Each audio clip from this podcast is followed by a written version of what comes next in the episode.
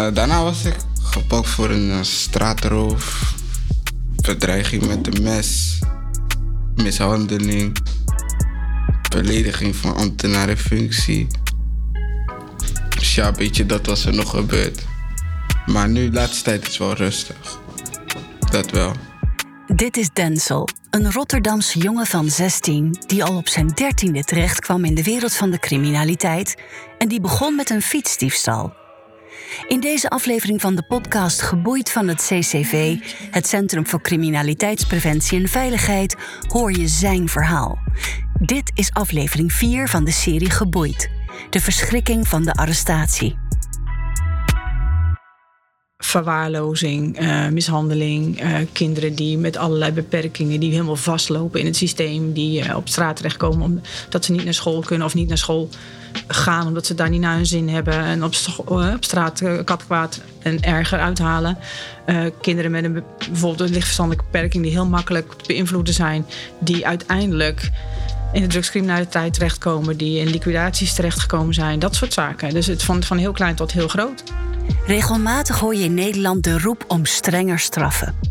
Verderop in deze vervolgserie praten we erover met de handhavers, de onderzoekers en de beschermers van zowel de wet als de jeugd. Hoe werkt het jeugdstrafrecht eigenlijk wanneer een jongere wordt opgepakt? Wie zijn er allemaal bij betrokken? Meestal, ik was wel met andere jongens, maar het was meestal niet omdat hun het per se wilden. Het was weer zo van, ze vroegen het gewoon van, gaan we doen. En toen, uh, ik wist wat de risico's waren. En toen, soms was ik gewoon dom en zei ik gewoon ja. Maar ja, nu denk ik wel anders over die dingen. En nu uh, liever niet. Liever niet. Het is veel gezeik. Het is echt veel gezeik. In 2022 waren 17.500 minderjarigen geregistreerd als verdachten van een misdrijf. Per 1012 tot 18-jarigen zijn dat 14,4 jongeren. Deze jongeren zijn minstens één keer verdacht geweest van een misdrijf. Wat gebeurt er precies als een minderjarige jongere wordt opgepakt? En welke impact heeft dat op de veiligheid op de lange termijn? We gaan even terug naar Denzel, want bij hem thuis wordt het hele gezin morgens vroeg wakker gemaakt met gebons op de deur. Uh, de eerste keer was ik opgepakt door handhaving. Maar daarna, de, voor de straatroof, was ik uh, opgepakt bij me thuis door de politie. Was zo'n kwart over zeven ochtends. Nee, nee, het was niet kwart over zeven. Het was volgens mij kwart over zes. Uh, ik lag op bed, ik lag te slapen. En toen klopte ze aan, dus mijn moeder deed open. En toen werd ik langzaam wakker van, weet je, uh, voetstappen beneden heel veel. En toen dacht ik, zou mijn broertje wel zijn, dus ik ging weer verder slapen. Toen uh, zag die deur open gaan met de zaklamp. Toen dacht ik ook, was mijn broertje. En toen zag ik die gele vest en toen dacht ik van? Toen zei die politie van, je bent, uh, je, wordt aan, je wordt bij deze aangehouden voor straatroof en afpersing. Toen dacht ik van, uh, toen, in het begin wist ik niet wat over had. Maar toen ik de naam hoorde, wist ik precies waar ze het over hadden. Toen dacht ik van, jullie komen wel vroeg. Dat was wel fucked up, dat ze echt vroeg kwamen. Die inval is niet zonder impact op het gezin. En zijn moeder had geen idee waar de inval over ging. Dus het eigenlijk, ze deed die deur open en ze werd naar achter gedeeld. En al die agenten kwamen binnen. Ik hoorde van mijn ma achteraf dat er twintig agenten waren of zo. Dus toen zei mijn moeder, mijn moeder zei ook al van, wat heb je gedaan? Toen zei ik tegen mijn moeder, ik heb niks gedaan, want ik wist niet waar het over ging. Toen uh, kreeg ik die voortoren, toen wist ik precies waar het over. Toen kwam mijn ma die kwam op bezoek bij een politiebureau. Toen ik mama toen zei ze tegen Toen werd ze wel een beetje boos. Ze zei, waarom doe je dat? Toen zei ik van, ja... Ik zeg, dat is een vraag voor iedereen eigenlijk. En toen zei ze van, niet meer doen. Ze zegt, ze zegt well, dat is niet slim en zo. Dus ze vond het niet leuk. Ze was een beetje boos. Ze was een beetje boos. Ja, ze was wel een beetje boos.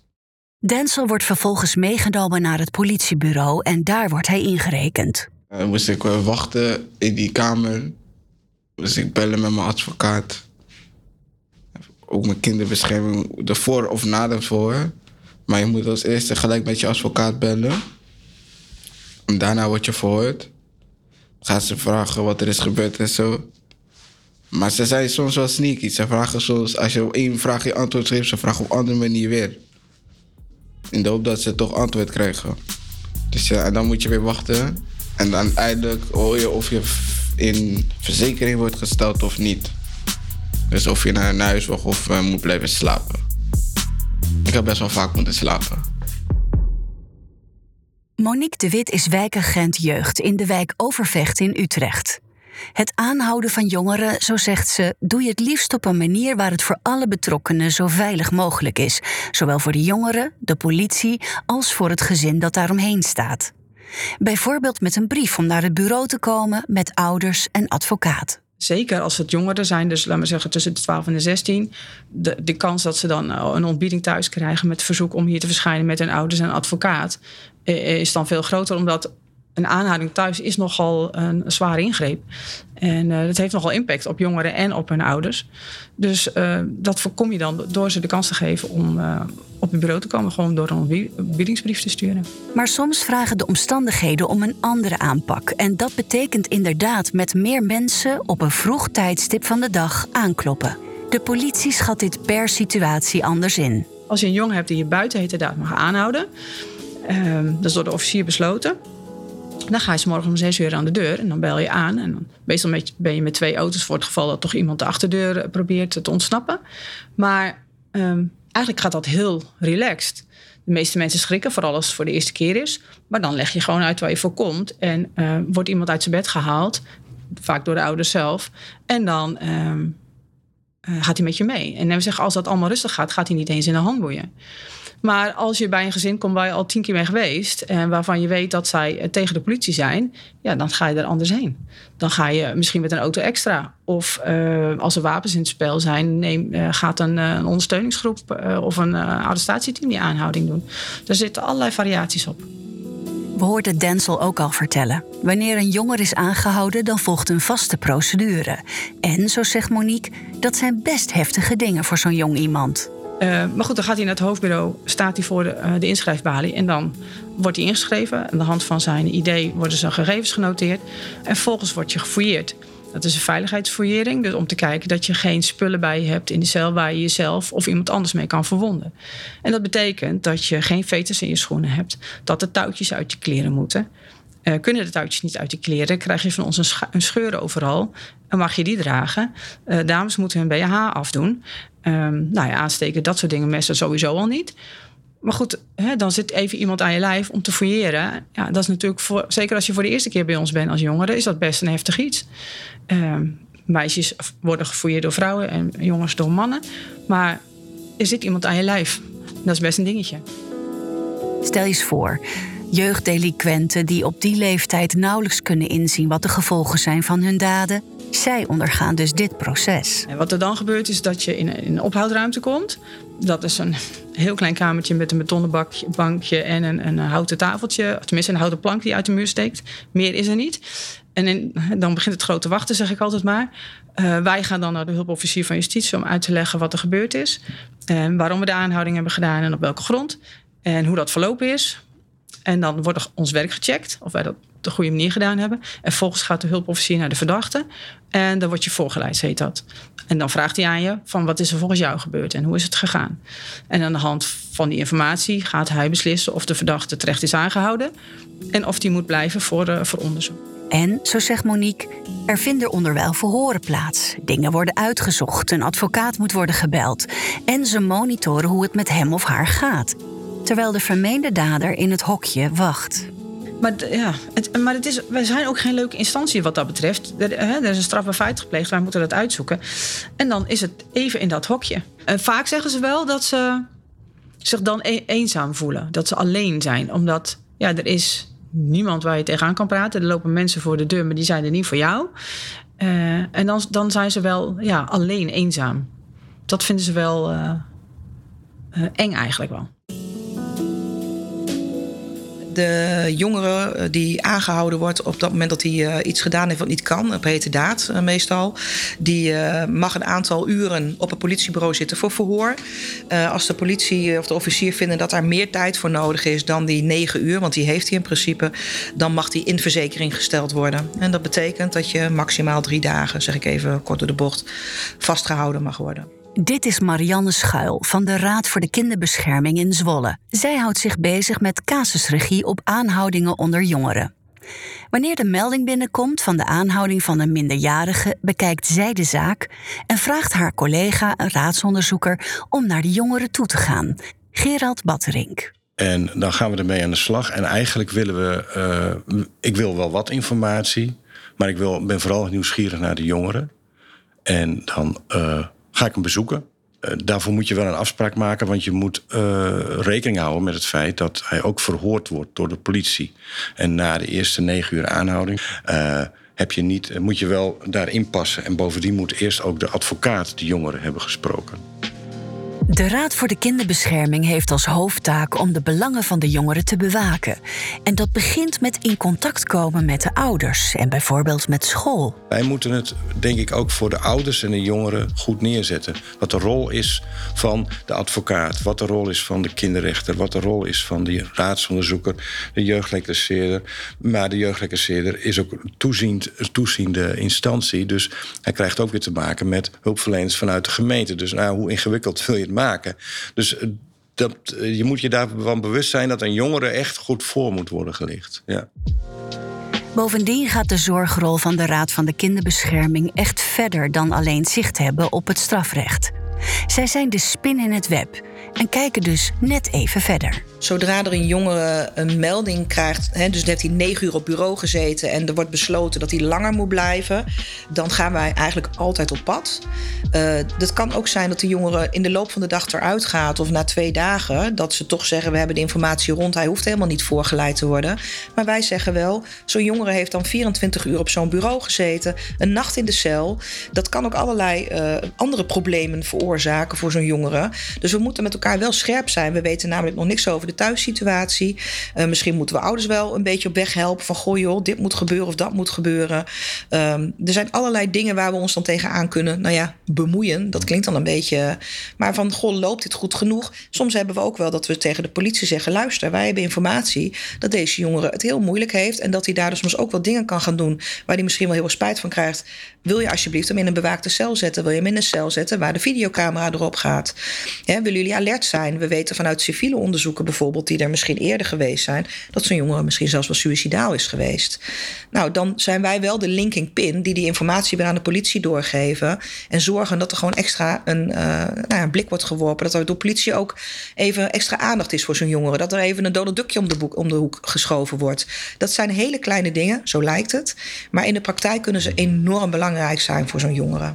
Gerard's taak is ook om uiteindelijk een rapport te maken over zijn bevindingen ten aanzien van de jongeren. En samen met Marianne en andere ketenpartners stemmen zij af wat zij zien en weten. Bij het jeugdstrafrecht staat namelijk de pedagogische rol voorop. Zorgen dat een jongere zich gehoord voelt.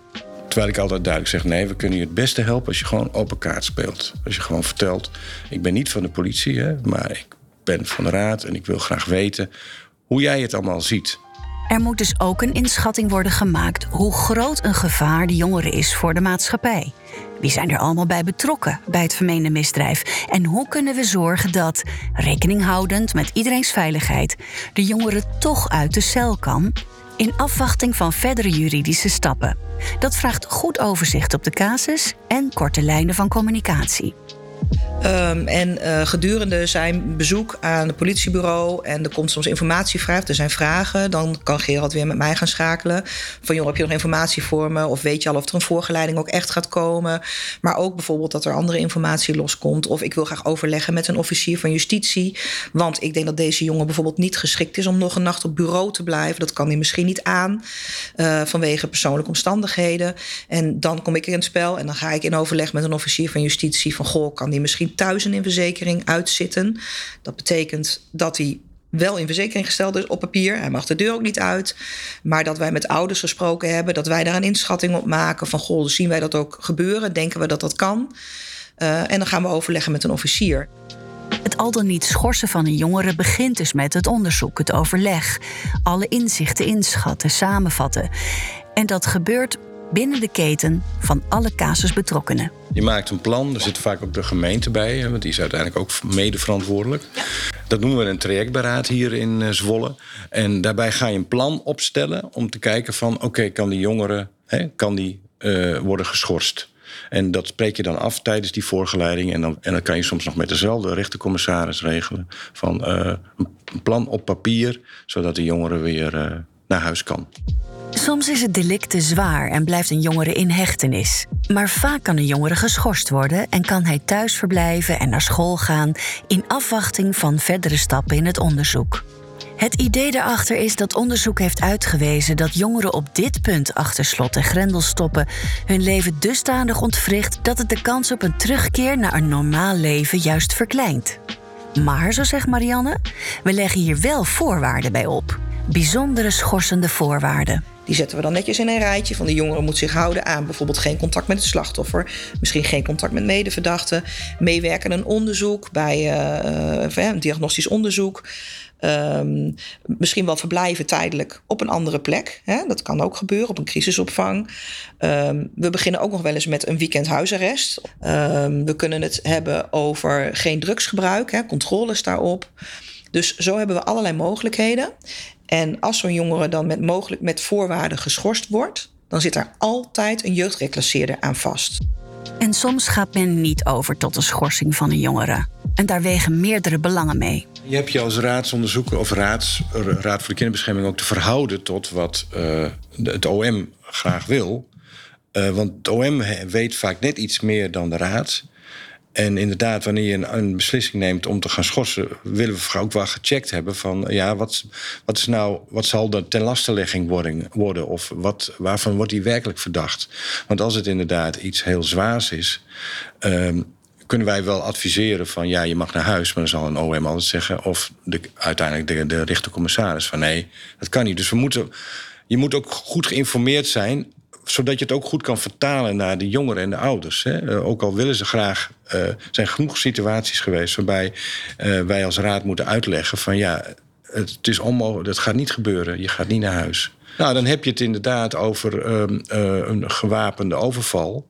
Waarvan de politie nog in onderzoek is, maar die, dat onderzoek wil ik niet frustreren door dat al te gaan vertellen. Maar als die jongen dat weet, ja, dan is hij, natuurlijk, is hij natuurlijk hartstikke bij. En hebben ze ook onderzoeksgrond om hem langer vast te houden. Voor de Raad van de Kinderbescherming is het ook soms lastig om de afwegingen goed te maken. Er wordt onderzoek gedaan, adviezen worden ingewonnen, alle belangen gewogen.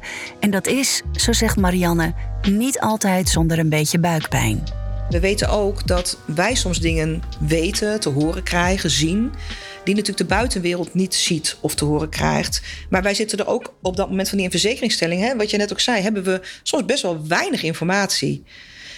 Durf je het dan aan om met dat verzoek tot die schorsing te komen? Hè? Om die jongen eruit te laten gaan met die schorsende voorwaarden? Durf, hè? Kan dat eigenlijk wel? En, en dat is toch iets, ja, je bespreekt het met een gedragsdeskundige en intern, maar het is wel soms heel ingewikkeld en ook best spannend. En dat je ook wel eens denkt: oh jongens, als het niet nog maar een keer misgaat. Want dan kijkt iedereen ook onze kant op. De rol van de kinderbescherming is soms heel ingewikkeld. Um, wat ik ook nog een punt van aandacht vind is... wij zijn natuurlijk de Raad voor de Kinderbescherming. En wat best complex is, is dat in heel veel van onze casussen... waarin wij naar een verdachte toe gaan dat er ook slachtoffers zijn. En dat zijn ook vaak kinderen. En um, in het voorgeleidingsmoment hebben wij daar nog niet mee te maken. Maar in eindzittingen hebben we daar zeer zeker wel mee te maken. Wij zitten daar ook weer met een eindadvies voor. Hè, dus de eindzitting van, nou ja, jongeren wordt dus alsnog vervolgd. Komt met een dagvaarding bij die rechter. Dan wordt er pas definitief besloten hè, van ben je schuldig en krijg je een straf. Uh, maar daar zitten dan de slachtoffers ook vaak in de zaal. Hè, en als je dan als voorbeeld wil hebben dat er een 15-jarige jongen of met drie of vier jongens een pistool op een 13-jarig meisje of 14-jarig meisje de hoofd hebben gezet om de iPhone af te pakken. Hè? Uh, en dat meisje zit ook achter in de zaal. Dan uh, zit je daar best heel ingewikkeld. Want wij geven een advies voor een jongere. Wij hebben een advies gegeven om te schorsen. Want we zien allerlei mogelijkheden voor die jongeren. Hè, die verdachten. En daar staan we ook achter. Dat is het punt niet. Maar ondertussen voel je gewoon af en toe het kippenvel in je nek. van het feit dat er achterin ook een kind zit. Um, waarvan het kind en ouders ook wel zullen denken van hoezo kinderbescherming? Hoe kan dat nou dat ze nu voor deze jongeren zitten te pleiten? Het is ons ook een half jaar of een jaar na dato dat we dan op die eindzitting zitten. Komen wij hopelijk met hele goede verhalen dat hij met de jeugdreclassering goede stappen gezet heeft, dat het misschien op school goed gaat, dat het met de behandeling goed uitpakt. En dat wij dan ook zeggen, nou, de straf kan in die zin wat beperkt blijven, want hij heeft het afgelopen jaar heel veel inzet getoond. Maar zo'n slachtoffer in de zaal achterin, ja, die kan dat ja, mogelijk slecht horen. Wat ook heel logisch is. En dat is, dat, dat, dat is echt wel ingewikkeld. Gerard vertelt ook dat veel van de jeugddelinquenten een verstandelijke beperking hebben. Binnen het jeugdstrafrecht is dat volgens recent onderzoek 56 procent. Dat vraagt een andere aanpak, zegt Gerald. Een specialisatie op met name het inschatten van het strafrechtelijk vervolg en dus de verdere begeleiding, zoals jeugdreclassering. Het is goed om te weten dat, de, dat er ook een speciale uh, instantie is voor de jeugdreclassering, de William Schrikkengroep. Die specialiseert in uh, werken met uh, jongeren met een beperking. In, in, de hele brede zin van het woord. En je merkt dat die heel erg goed zijn in het volgen van de jongeren. Drie stappen vooruit, twee stappen achteruit. De lange adem hebben niet direct denken van, oh, wat, wat moeten we ermee aan? Het kan niet ingewikkeld genoeg zijn. Zij pakken het op en um, ik heb geleerd ook van die jeugdreclassering dat wanneer een probleem in 16 jaar is ontstaan, ga je het niet van in, in 16 maanden oplossen. Nee, dat gaat een langere tijd uh, gaat ermee gemoeid om een jongere weer uh, om dat weer te herstellen. Dat kan op verschillende momenten. Dit is Fatima van Solkema en zij is jeugdreclasseerder bij de William Schikker Stichting. Er zijn verschillende momenten waarop zij kan worden ingezet. Een van de momenten is bijvoorbeeld als een jongere wordt opgepakt uh, hoe heet dat, door de politie. Dan komen ze in de eerste instantie drie dagen in verzekering worden ze gesteld. Dan worden ze voorgeleid bij een rechtercommissaris. Vaak is het dan zo dat de Raad voor de Kinderbescherming dan dus uh, een onderzoek doet.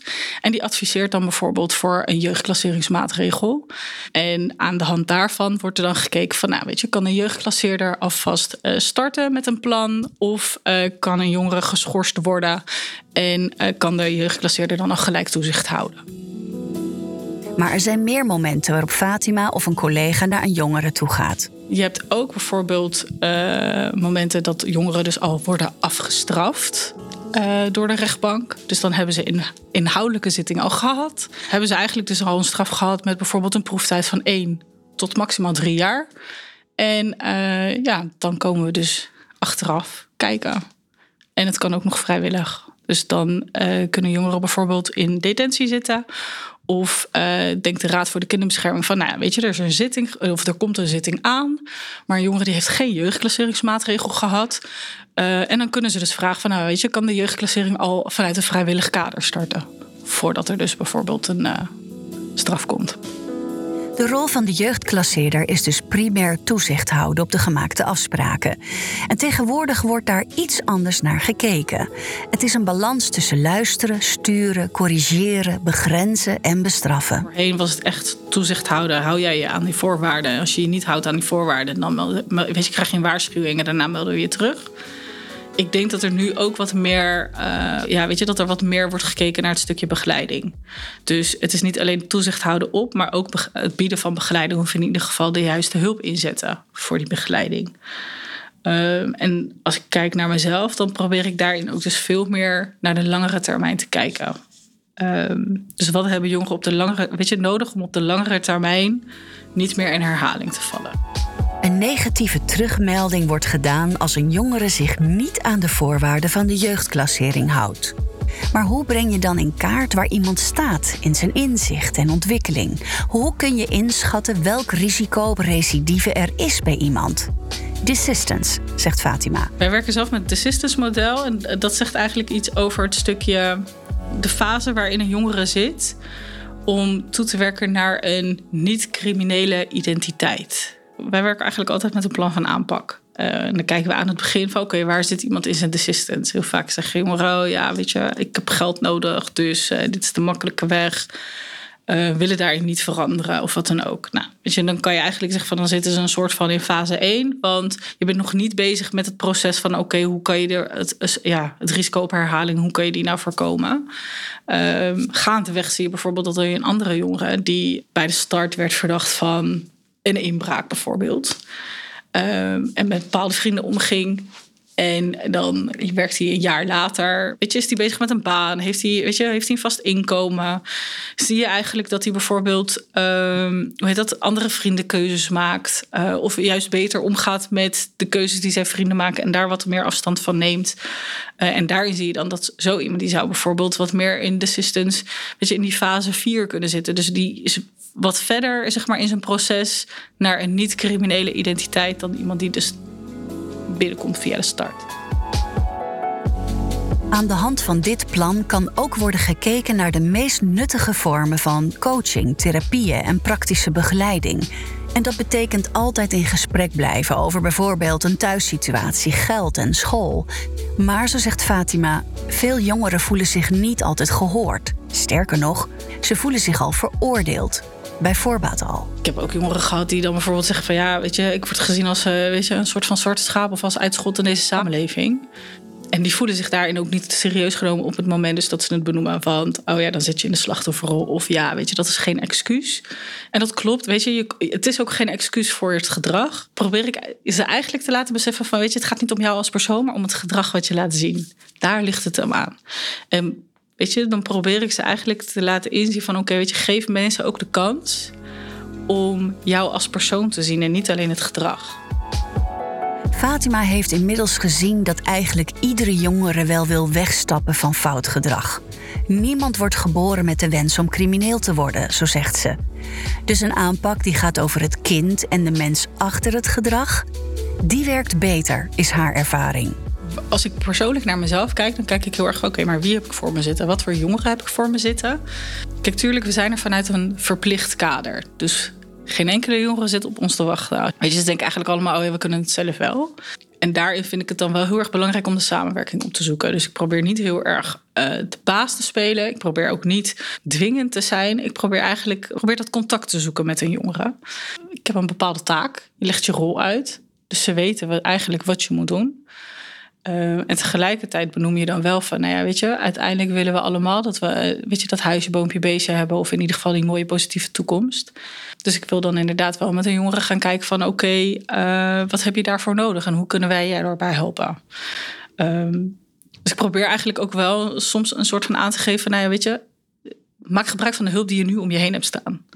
Weet je, andere jongeren moeten het alleen doen. Jij hoeft het niet alleen te doen. Je kan het met anderen doen. Dus maak daar gebruik van. Ze heeft hierin ook een voorbeeld hoe de lange adem hebben en werken aan vertrouwen helpt. Want veel jongeren hebben niet altijd een stabiele omgeving om zich heen of een goed voorbeeld. Ze vertelt het verhaal van een meisje die meer dan eens terugviel in oude fouten, maar die de draad kon oppakken toen ze eenmaal zag dat er mensen waren die ze wel kon vertrouwen. Het was een meisje die is dus negatief door mij teruggemeld in het verleden. Uh, kwam daardoor dus weer in jeugddetentie terecht. Uh, heeft toen een maand ook in jeugddetentie gezeten. Voordat zij, haar, ja, voordat zij haar inhoudelijke zitting had. En een sleutelmoment moment voor haar was denk ik wel het feit dus dat ze zag... Ze had namelijk geen plek waar ze naartoe kon. Daarom heeft ze eigenlijk langer in detentie gezeten dan eigenlijk passend was. Als je kijkt naar haar strafrecht, ja, als je kijkt naar het strafrechtelijk kader. En ik heb toen dagen, heb ik, uh, weken heb ik overgewerkt structureel. Om voor dit meisje bijvoorbeeld een plek te, ja, een plek te vinden. Gewoon een plek waar zij naartoe kon. Uh, om aan haar toekomst te werken. En ik denk dat dat voor haar dan bijvoorbeeld een sleutelmoment was. Want waar zij voorheen niet met me wilde samenwerken, wilde ze dat daarna, wilde ze dat wel. Ik denk dat het eigenlijk een beetje is op het moment dus dat jongeren eigenlijk echt iets nodig hebben. Op het moment dat een jongere zeg maar op het punt staat om jou te vragen of je iets voor ze wil doen en je doet het. Um, ik denk dat dat vaak de sleutelmomentjes zijn, want dan hou je je eigenlijk een beetje aan je woord. Fatima ziet, ondanks de lichtdalende cijfers onder jeugdcriminelen, ook een zorgelijke ontwikkeling in de intensivering. En we kunnen het echt niet alleen oplossen, zegt ze. Zaken zijn vaak intensiever. Uh, wat we ook steeds meer zien is dat er jongeren die nog, nog nooit in aanraking komen met politie en justitie, dat die dus eigenlijk van hele zware feiten worden verdacht. Uh, dus dat maakt, het, dat maakt het wat lastiger. Hoe? Want wij moeten ook een analyse maken van: oké, maar waar komt dat gedrag dan vandaan? Hoe komt het dat zo'n jongen dus eigenlijk in zo'n situatie terecht is gekomen?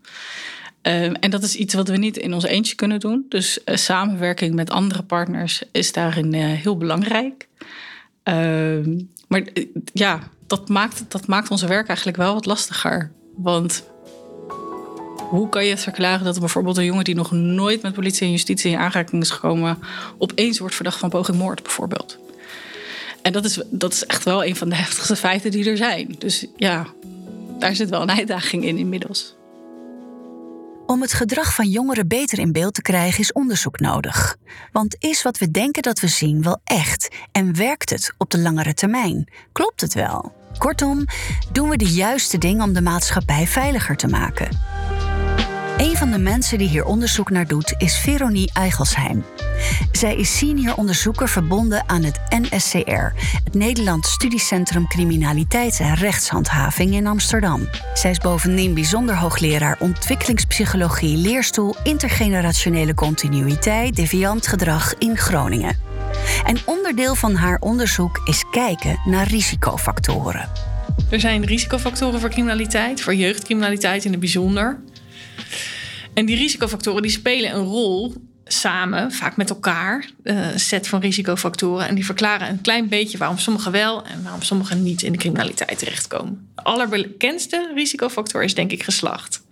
Er zijn meer jongens dan meisjes die in de criminaliteit terechtkomen, maar niet altijd. En we zagen recent ook een toename van criminaliteit onder meisjes. Moeten we nog even afwachten wat dat precies betekent en of dat doorzet. Maar dat is dus een van de risicofactoren. Samen met armoede, bekende uh, thuissituatie die misschien niet altijd even rooskleurig is. En dat zijn risicofactoren om in de criminaliteit te belanden.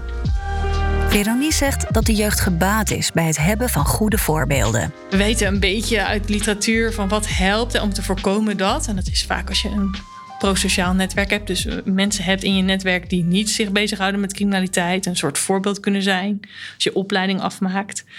En een opleiding biedt zelf ook weer toegang tot een sociaal netwerk. Wat anders is dan een crimineel netwerk. Uh, partnerrelatie met iemand die een stabiele partner is, die geen criminele achtergrond heeft, dat helpt. Uh, heel klassiek eigenlijk. En zo zie je dat ook cumulatief, dat uh, ja, uh, bij elkaar optellen dat die bescherming tegen dat, dat die overdracht ook wel uh, aanwezig kan zijn. Ja. Postventie, preventie, ze haken als vanzelfsprekend in elkaar. Een van de onderzoeken die daarin van belang is, gaat over de opvoeding en hoe jij daar als kind weer op reageert.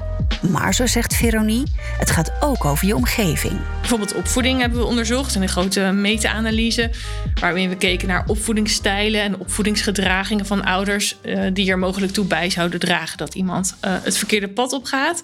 Nou, is dat maar een klein deel van de verklaring voor, uh, voor criminaliteit. Maar opvoeding speelt wel een rol.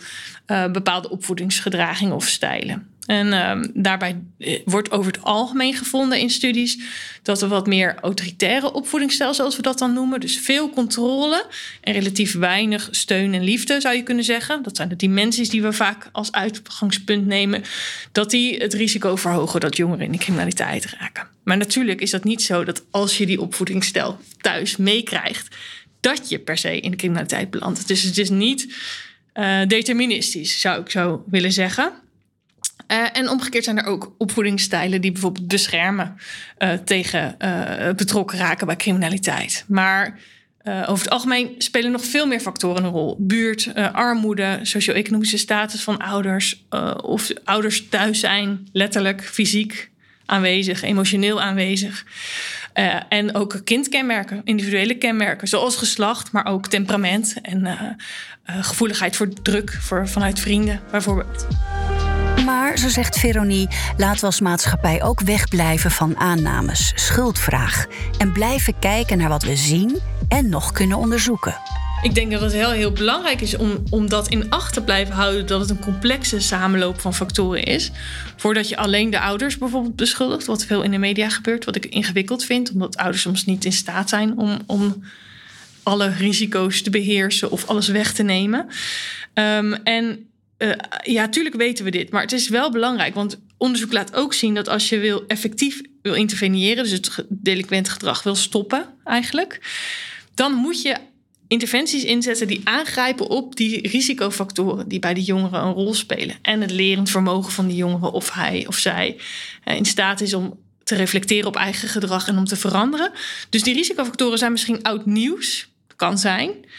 Maar ze blijven wel heel erg belangrijk, ook in het effectief inzetten van interventies. En waar ik me in mijn onderzoek vooral op richt, is de rol, bovenop die risicofactoren die misschien aanwezig zijn, van uh, criminaliteit van de eigen ouders. Dus hoe gaat criminaliteit soms van generatie op generatie over? En dat is wat ik onderzoek.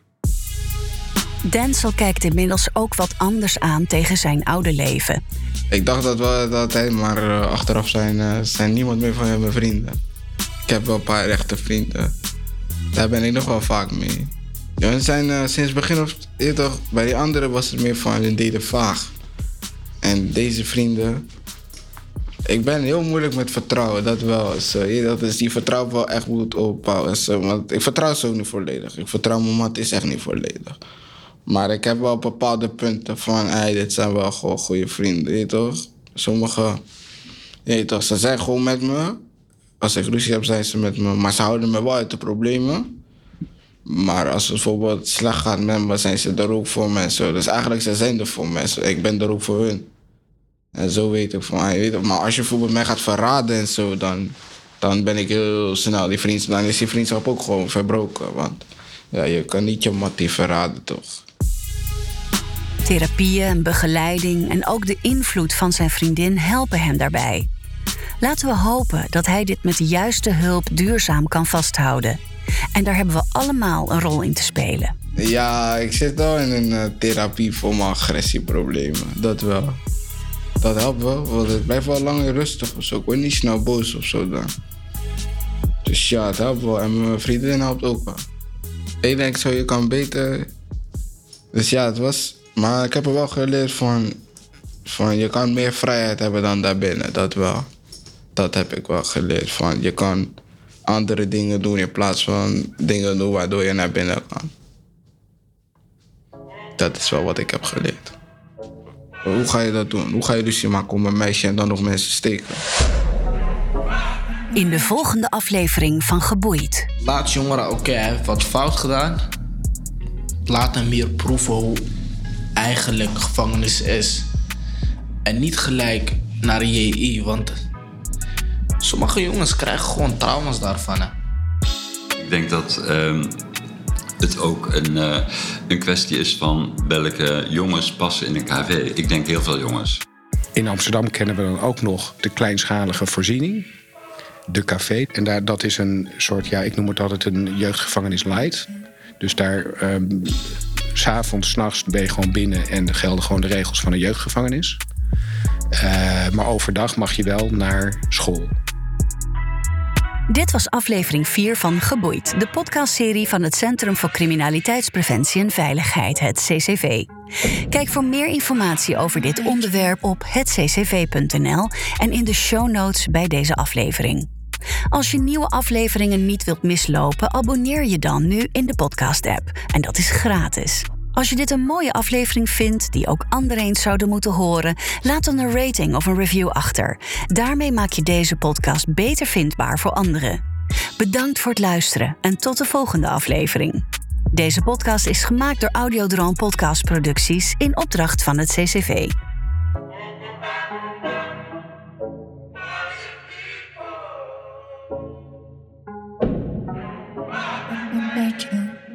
Zoveel tranen op mijn t-shirt. Zocht alleen een beetje liefde. Probeer het verleden zo vaak te vergeten. Daarom zoek ik naar die brieven. Mama, I don't wanna cry. Maar zo lijkt het of niemand mij begrijpt. Ik zweer het, mijn hart doet zoveel pijn. I am just a lonely child. Lonely child. Gesprekken met mezelf, alleen ik en mijn gedachten. Zocht alleen een beetje liefde om de pijn niet te verzachten. Gevorderd door de straten, zeg mijn broertje, wat verwacht je? Beschek hoe ze me schilderen als grote crimineel. Weten niks van mijn verleden, maar toch oordelen ze veel. Geassocieerd als crimineel, maar de staat creëert hemzelf. Kleine jongens opgesloten op een groep of een cel. Neem een kijkje in de zorg en vraag je af of het helpt. Ik had een zware bagage en ik zat alleen in die hel. Ondanks de pijn, hart die puur, maar velen maakten het fel. Neem jezelf geen jeugdzorg als je de jeugd toch niet helpt.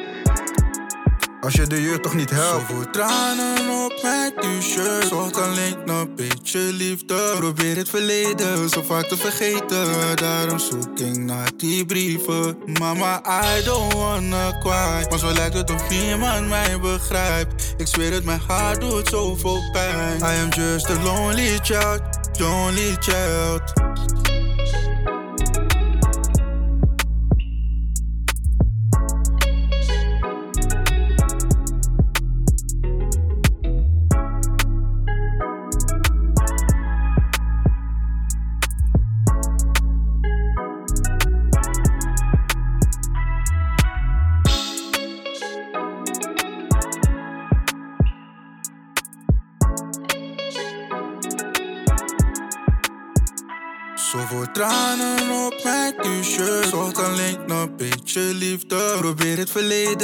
Vaak te vergeten. Daarom zoek ik naar die brieven. Mama, I don't wanna cry. Maar zo lijkt het of niemand mij begrijpt. Ik zweer het, mijn hart doet zoveel pijn. I am just a lonely child, lonely child.